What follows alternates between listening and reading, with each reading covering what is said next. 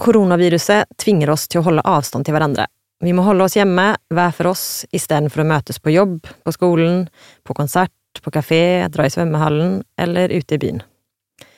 Forandrer koronaviruset hvordan vi forholder oss til våre hjem, våre omgivelser, og ikke minst til hverandre? Og i så fall hvordan? Kom det noe godt ut av det? Og er det noen nye initiativer, prosjekter eller vaner vi har begynt med, som vi bør fortsette med etterpå? Hva skjer egentlig etterpå? Og vil pandemien og vårt svar for å beskytte oss mot den forandre arkitekturen og byutviklingen? Velkommen til den nye podkasten Arkitekturpodden, laget av Oslo Arkitekturtriennale. Til dere som er interessert i byen og arkitekturen rundt oss. Mitt navn er Hanna Densik Petersson. I denne, vår aller første podkastserie, får du møte tre personer som er særlig opptatt av tre ulike sider av hvordan denne pågående pandemien påvirker oss. Ute i byen, i hjemmet og på samfunnsnivå. I denne episoden snakker vi om byen og offentlig rom med deg, Siri Holmbo Høibo, som er leder for by- og stedsutvikling ved Doga. Hei, Siri. Hei, Hanna. Velkommen som gjest i Arkitekturpodden. Tusen takk. De siste ukene har byen, både byens rolle og vårt forhold til den endret seg ganske drastisk. Myndighetenes restriksjoner og påbud gjør at vi ikke kan leve som vi pleier i byen, verken i jobbsammenheng eller eh, privat. Bussen og T-banen har gått fra å være et hjelpemiddel og verktøy for å få byen til å fungere, til å være en stor kilde til å spre smitte.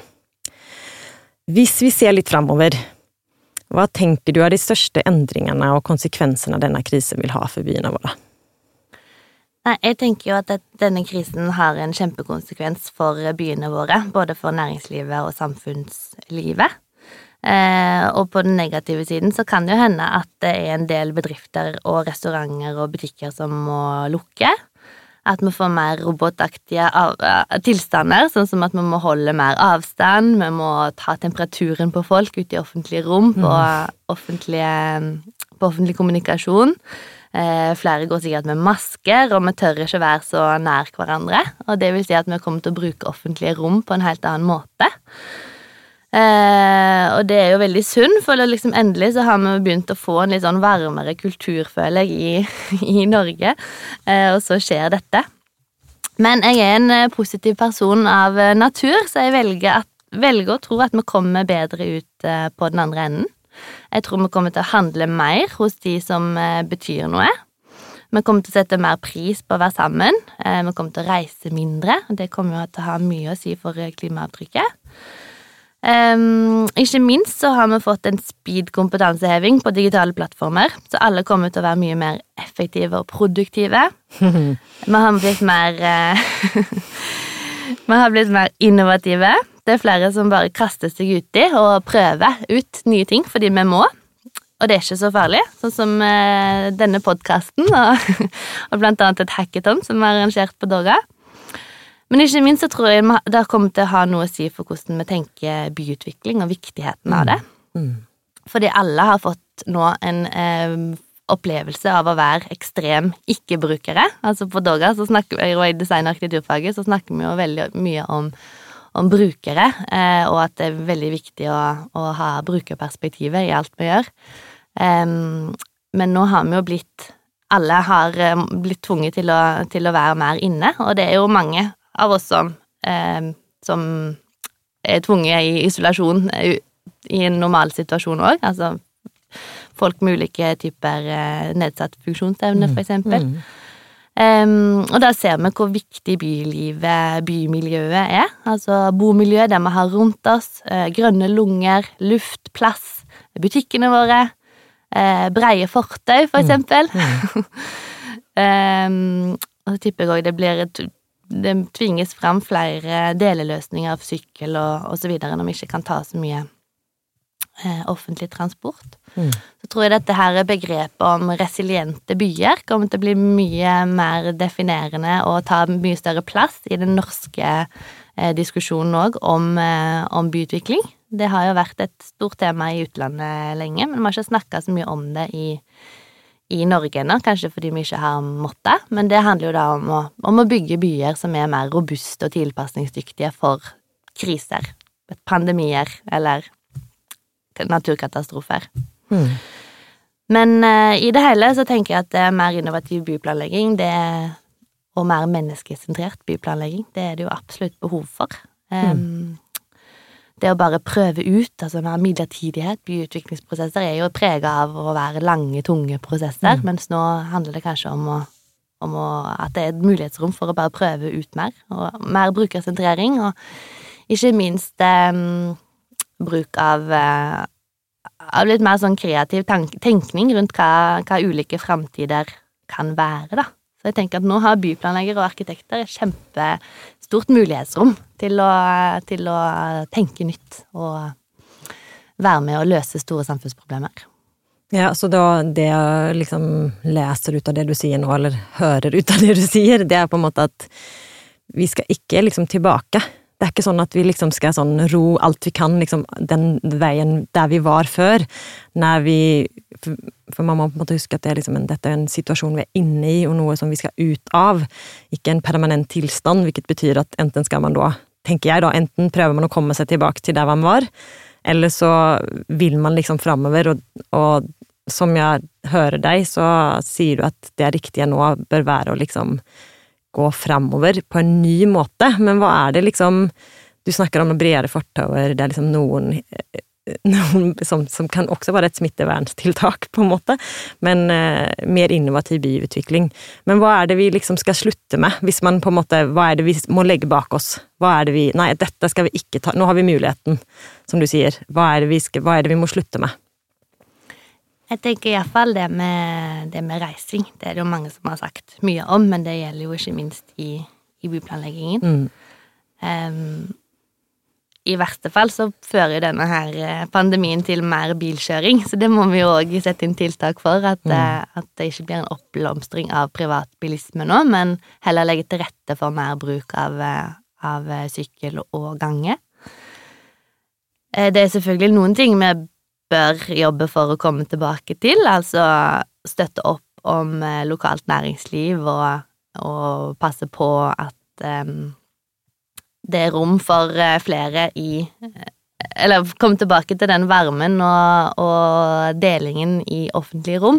Men samtidig så tenker jeg at vi har det mulighetsrommet jeg snakker om, det er å lage mer inkluderende byrom, altså ikke minst for de som eh, ikke har så enkelt for å komme seg mm. ut eh, og mer eh, ja, robuste by, byrom, da, som, eh, som, tar høyde for eh, sånne typer kriser. Men hva de løsningene er, det, det, er jo ting som utvikler seg nå. Eh, så det kan liksom høres veldig sånn overordna og overfladisk ut, men det er jo fordi at det, vi venter egentlig på de kreative løsningene skal mm. komme nå. Mm. Ja, nei, Det er spennende, og jeg tenker at det bringer oss litt over i mitt neste spørsmål, og det er at dere på um, Doga, eller Design og arkitektur Norge, som, som, det heter, ni delte for noen dager siden et prosjekt som dere kaller Byliv i koronans tid, um, som er en, en, slags oppfordring til enkeltpersoner og organisasjoner, kommuner og næringsliv til å sende inn eksempler på initiativer og løsninger som har kommet frem. Litt det du snakker om nå. Um, dere skriver i utlysningen at dere vil samle opp de gode eksemplene som både læring og inspirasjon til fremtiden. Men hva håper dere skal komme ut av dette, og kunne du ha sagt noe om de eksemplene som potensielt har kommet inn så langt? Ja, eh, det var jo noe som skjedde med alle den torsdagen for to eller tre uker siden, når alle ble bedt om å holde seg hjemme. Eh, så brakte det jo opp masse følelser hos folk, både på godt og vondt. Eh, og selv om vi på Doga selvfølgelig tar denne situasjonen på største alvor, så ble mange av oss òg litt trigga over at eh, både satsingsområdene våre og fagene våre eh, fikk ny relevans, da. Og jeg er jo leder for, for by- og stedsutvikling. og så at bylivet blir jo borte på, på en gang. men samtidig så så dukka det opp masse artige eksempler i både sosiale medier og nyheter og, og internettet om eh, balkongbingo, eh, blokkparty, eh, fika i svenske trappeoppganger. Jeg bare ser for meg et sånn nydelig bilde av to gamle damer som sitter på hver sin side i en trappeoppgang og ser på hverandre med et lite sånn bord med hekleduk på. Um, så vi tenkte at vi må, vi må jo få samla disse her eksemplene nå når det skjer. Både sånn at de kan fungere som inspirasjon til, til byer og kommuner og næringsliv og enkeltpersoner som sitter og, og, har lyst til å gjøre noe og trenger noe for å lindre i den situasjonen som vi er i nå. Men ikke minst så håper vi og tror jo at det vi, det vi gjør nå, av det, den kreative kraften da, som, som eh, får alle disse initiativene til å skje eh, Vi håper jo òg at den kan lære oss noe for å bygge bedre byer og byrom i framtiden. Men samt, som, som, nevnt før, så er jo dette her òg et sånt initiativ som uh, vi er ikke helt sikre på hva som kommer ut av. vi har en følelse av at det skjer veldig mye der ute, uh, men, men det gjenstår å se hva, hva, det er, og hva vi kan lære av det. men samtidig så ble vi også kontakta av Oslo Business Region og Emergent School of Leadership, som eh, skulle Som vurderte å, å lage en hackathon. Eh, en norsk versjon av Hack the Crisis.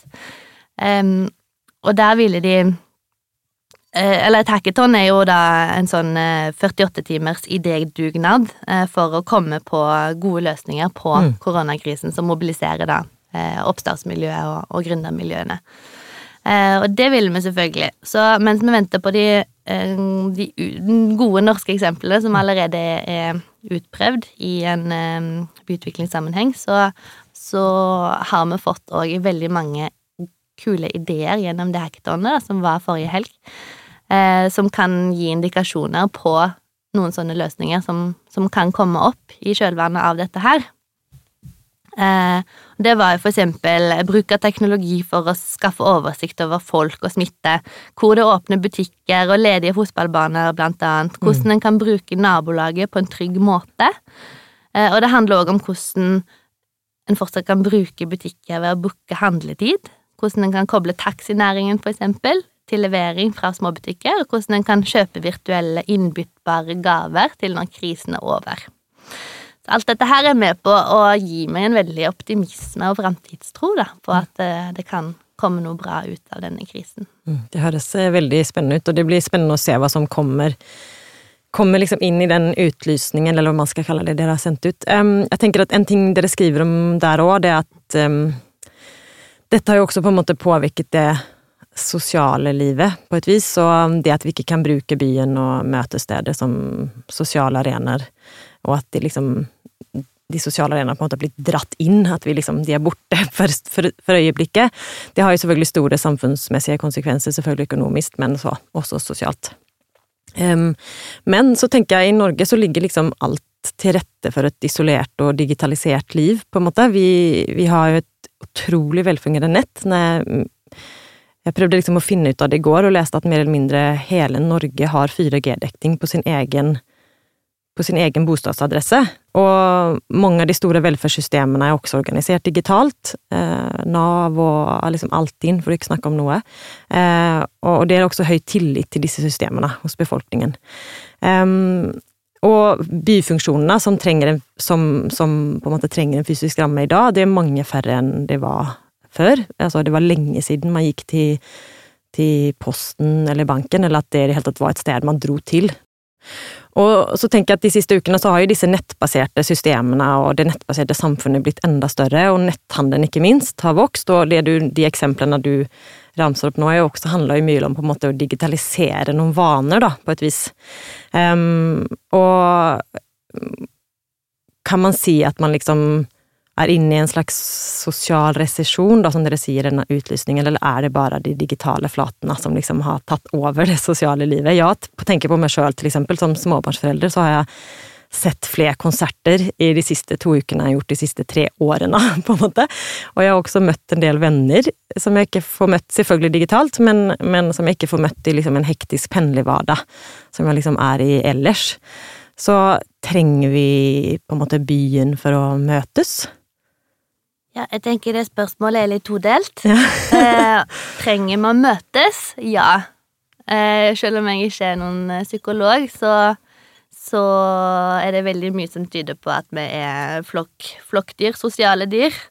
Eh, og internettet kom jo for veldig mange år siden, og da trodde alle at vi skulle få veldig oppblomstring av hjemmekontor. Det skjedde jo ikke. Folk har lyst til å komme tilbake til kontorene.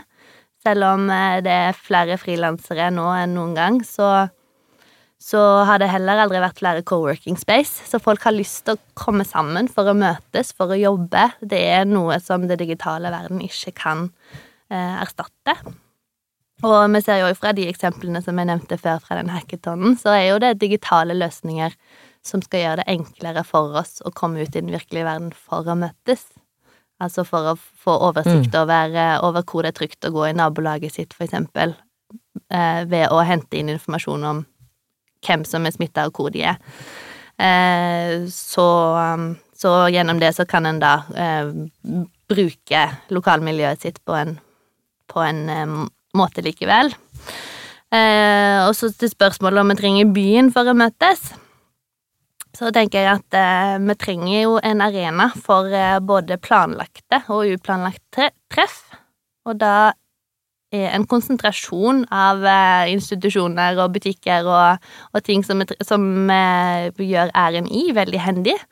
Eh, så et, en, en, form for sentrum tror jeg vi trenger men eh, det denne krisen kanskje har vist oss, er at vi trenger kanskje ikke ett sentrum, eller helst mm. ikke bare ett sentrum, mm. for man, man, må spre eh, folkene mer. Så, så jeg tror eh, vi skal satse mer på en, eh, på en bydels- eh, eller små, småsentrums eh, byutvikling, da.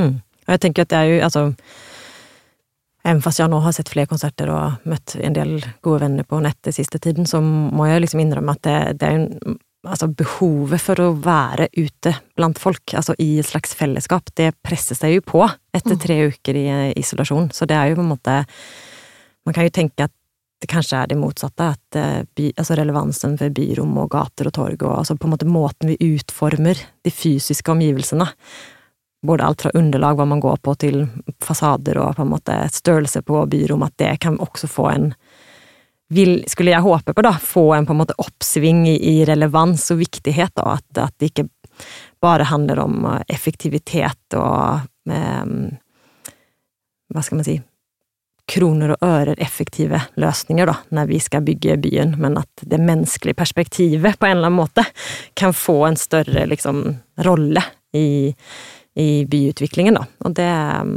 Ja, det får jeg Fra min side tenker jeg vil håpe at det er liksom en av de tingene vi kan ta med oss, ta med oss videre. Mm. Men um, jeg tenker Det er liksom noe med at ja. man ønsker å oppleve ting sammen. Ja, ikke sant? Og det er derfor vi går på kino, selv om mange har eh, et kjempestort eh, filmbibliotek og gode mm. høyttalere hjemme. Mm. Og teater og konserter og mm. Ikke sant.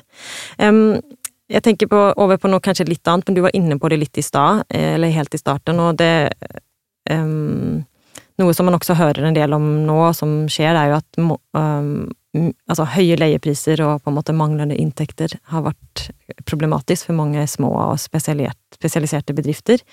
Altså dette mangfoldet som man på en måte jobber for å få opp i byen, har på en måte blitt lidende nå.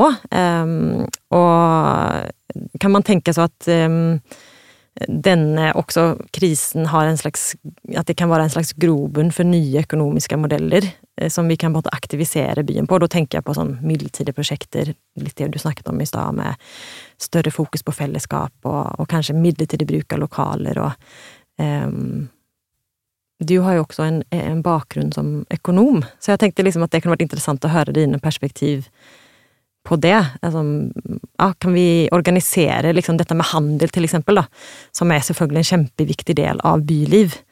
Um, kan man se for seg liksom andre ja, måter å organisere det på? Mm.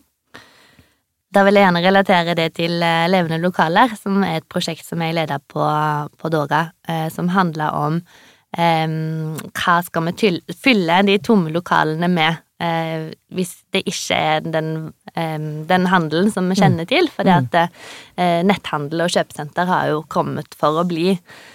Eh, så vi så da på alternative økonomiske modeller, alternativt innhold og ikke minst alternative innholdsleverandører. Da. Hvem skal en snakke med for å få eh, til nytt, nytt innhold? Eh, som er det bruk, brukerne og innbyggerne vil ha. Eh, så dette her som har skjedd nå, blir jo på en måte ekstremvarianten av det prosjektet. Mm. Og jeg har allerede snakka med følgeforskeren Guri Mette Vestby fra Nyberg på det, at det, det hadde vært veldig interessant å gjøre en oppfølger. Um, for nå blir jo alle veldig oppmerksom på denne problemstillingen. Men det vi fant ut av der, iallfall, det var jo at eh, framtidens by kanskje handler om, mer om eh, det å møtes. Eh, lage ting sammen, skape ting sammen. Og ikke så mye å, å handle eh, nødvendige varer, da, men mer sånn opplevelse og, og kos, og være sammen. Eh, og når det gjelder økonomiske modeller òg, så var det òg litt mer sånn eh, sammenvevd, at eh, en delte på leie, at en kanskje leide seg eh, centimeter hylleplass istedenfor et helt lokale, at flere aktører gikk sammen. Eh, kanskje en eiendomsutvikler Nei, en eiendomsmegler eh, kan, kan betale en, en del av, av leia, mens mens eh, nisjebutikker som kanskje kan dele samme lokale, kan, kan, betale litt mindre. Så sånne ting hadde vært mm. Det kommer nok til å komme veldig mye mer av nå. En, det, og det handler òg om å bygge mer resiliente byer og, eh, og næringsliv, da. Eh, som kan håndtere bedre sånne situasjoner mm. enn det vi ser nå. Mange av de tingene vi snakket om i stad, handler jo kanskje om storbyen. Hva vil endringene eller konsekvensene være i en liten by versus liksom Oslo, som, som har litt andre To forskjellige problemstillinger. Mm. Det vil bli spennende å se hva mm. resultatet er. Men jeg mm. tenker jo at at veldig mange av problemstillingene vil, vil være de samme ja. i store og små byer. Mm. Fordi det handler om at folk møtes på tvers, og det gjør de kanskje enda mer i mindre byer mm. enn de gjør i Oslo, som er mer eh, Der bydelene er mer homogene, da. Mm. Jeg tenker på at sårbarheten er kanskje litt større i Altså, flek, altså fleksibiliteten og på en måte mangfoldet er jo større i de store byene, når man har liksom mer å lene seg mot, men at det er kanskje enda absolutt. mer sårbar i de liksom litt mindre, mindre samfunnene eller fellesskapene, da. Mm. Mm. Der er det kanskje færre. Altså, nå ser jeg jo Det er veldig mange som driver sånn kronerulling for favorittkafeene sine, eller ja, favoritt, mm. favorittrestaurantene, mm. favorittbarene. Eh, og skulle jeg eh, støtte alle de som eh, er i Oslo, så hadde jeg jo brukt mer penger enn jeg hadde gjort i en vanlig måned. Mm. Mens i små lokalsamfunn så er det kanskje ikke så mange, da. Mm. Så der monner det kanskje litt mer. Ja. Ja. veldig spennende. Utrolig mange interessante tanker, og jeg tenker at det blir en spennende tid for uh, arkitektur- og byutviklingsfagene framover. Jeg har lyst til å avslutte med et siste spørsmål. Um, og det er hva er det du gleder deg mest til å gjøre når denne situasjonen er over? til å klemme deg. ja, det tror jeg. Jeg er en veldig sosial person, så dette her eh, Jeg kjenner veldig på denne isolasjonen. Så jeg gleder meg til å gå ut og klemme og bare henge i parken når det har blitt sommer, og mm. se folk. Ja, det blir herlig. Være sammen. Ja, ikke sant. Jeg er en veldig stor konsument av, av byen, så mm. det kommer jeg nok til å gjøre enda mer av. Tusen takk, Siri, for at du ville være med oss i Arkitekturpodden i dag. Det var en glede å ha deg her. Arkitekturpodden er laget av Oslo Arkitekturtrinale, som er en del av Trinalens 20-årsjubileum i 2020. Samtaler om byen i koronaens tid er en serie i tre episoder om hvordan den pågående pandemien påvirker oss og vårt forhold til byen og arkitekturen rundt oss. I de andre to avsnittene snakker vi om hjemmet i koronans tid med Marianne Skjulhaug, som er førsteamanuensis ved Arkitektur- og designhøgskolen i Oslo, og om koronaen i arkitekturen og arkitekturen i det store samfunnsperspektivet med statsviter og forsker Erling Dockholm. Vi høres!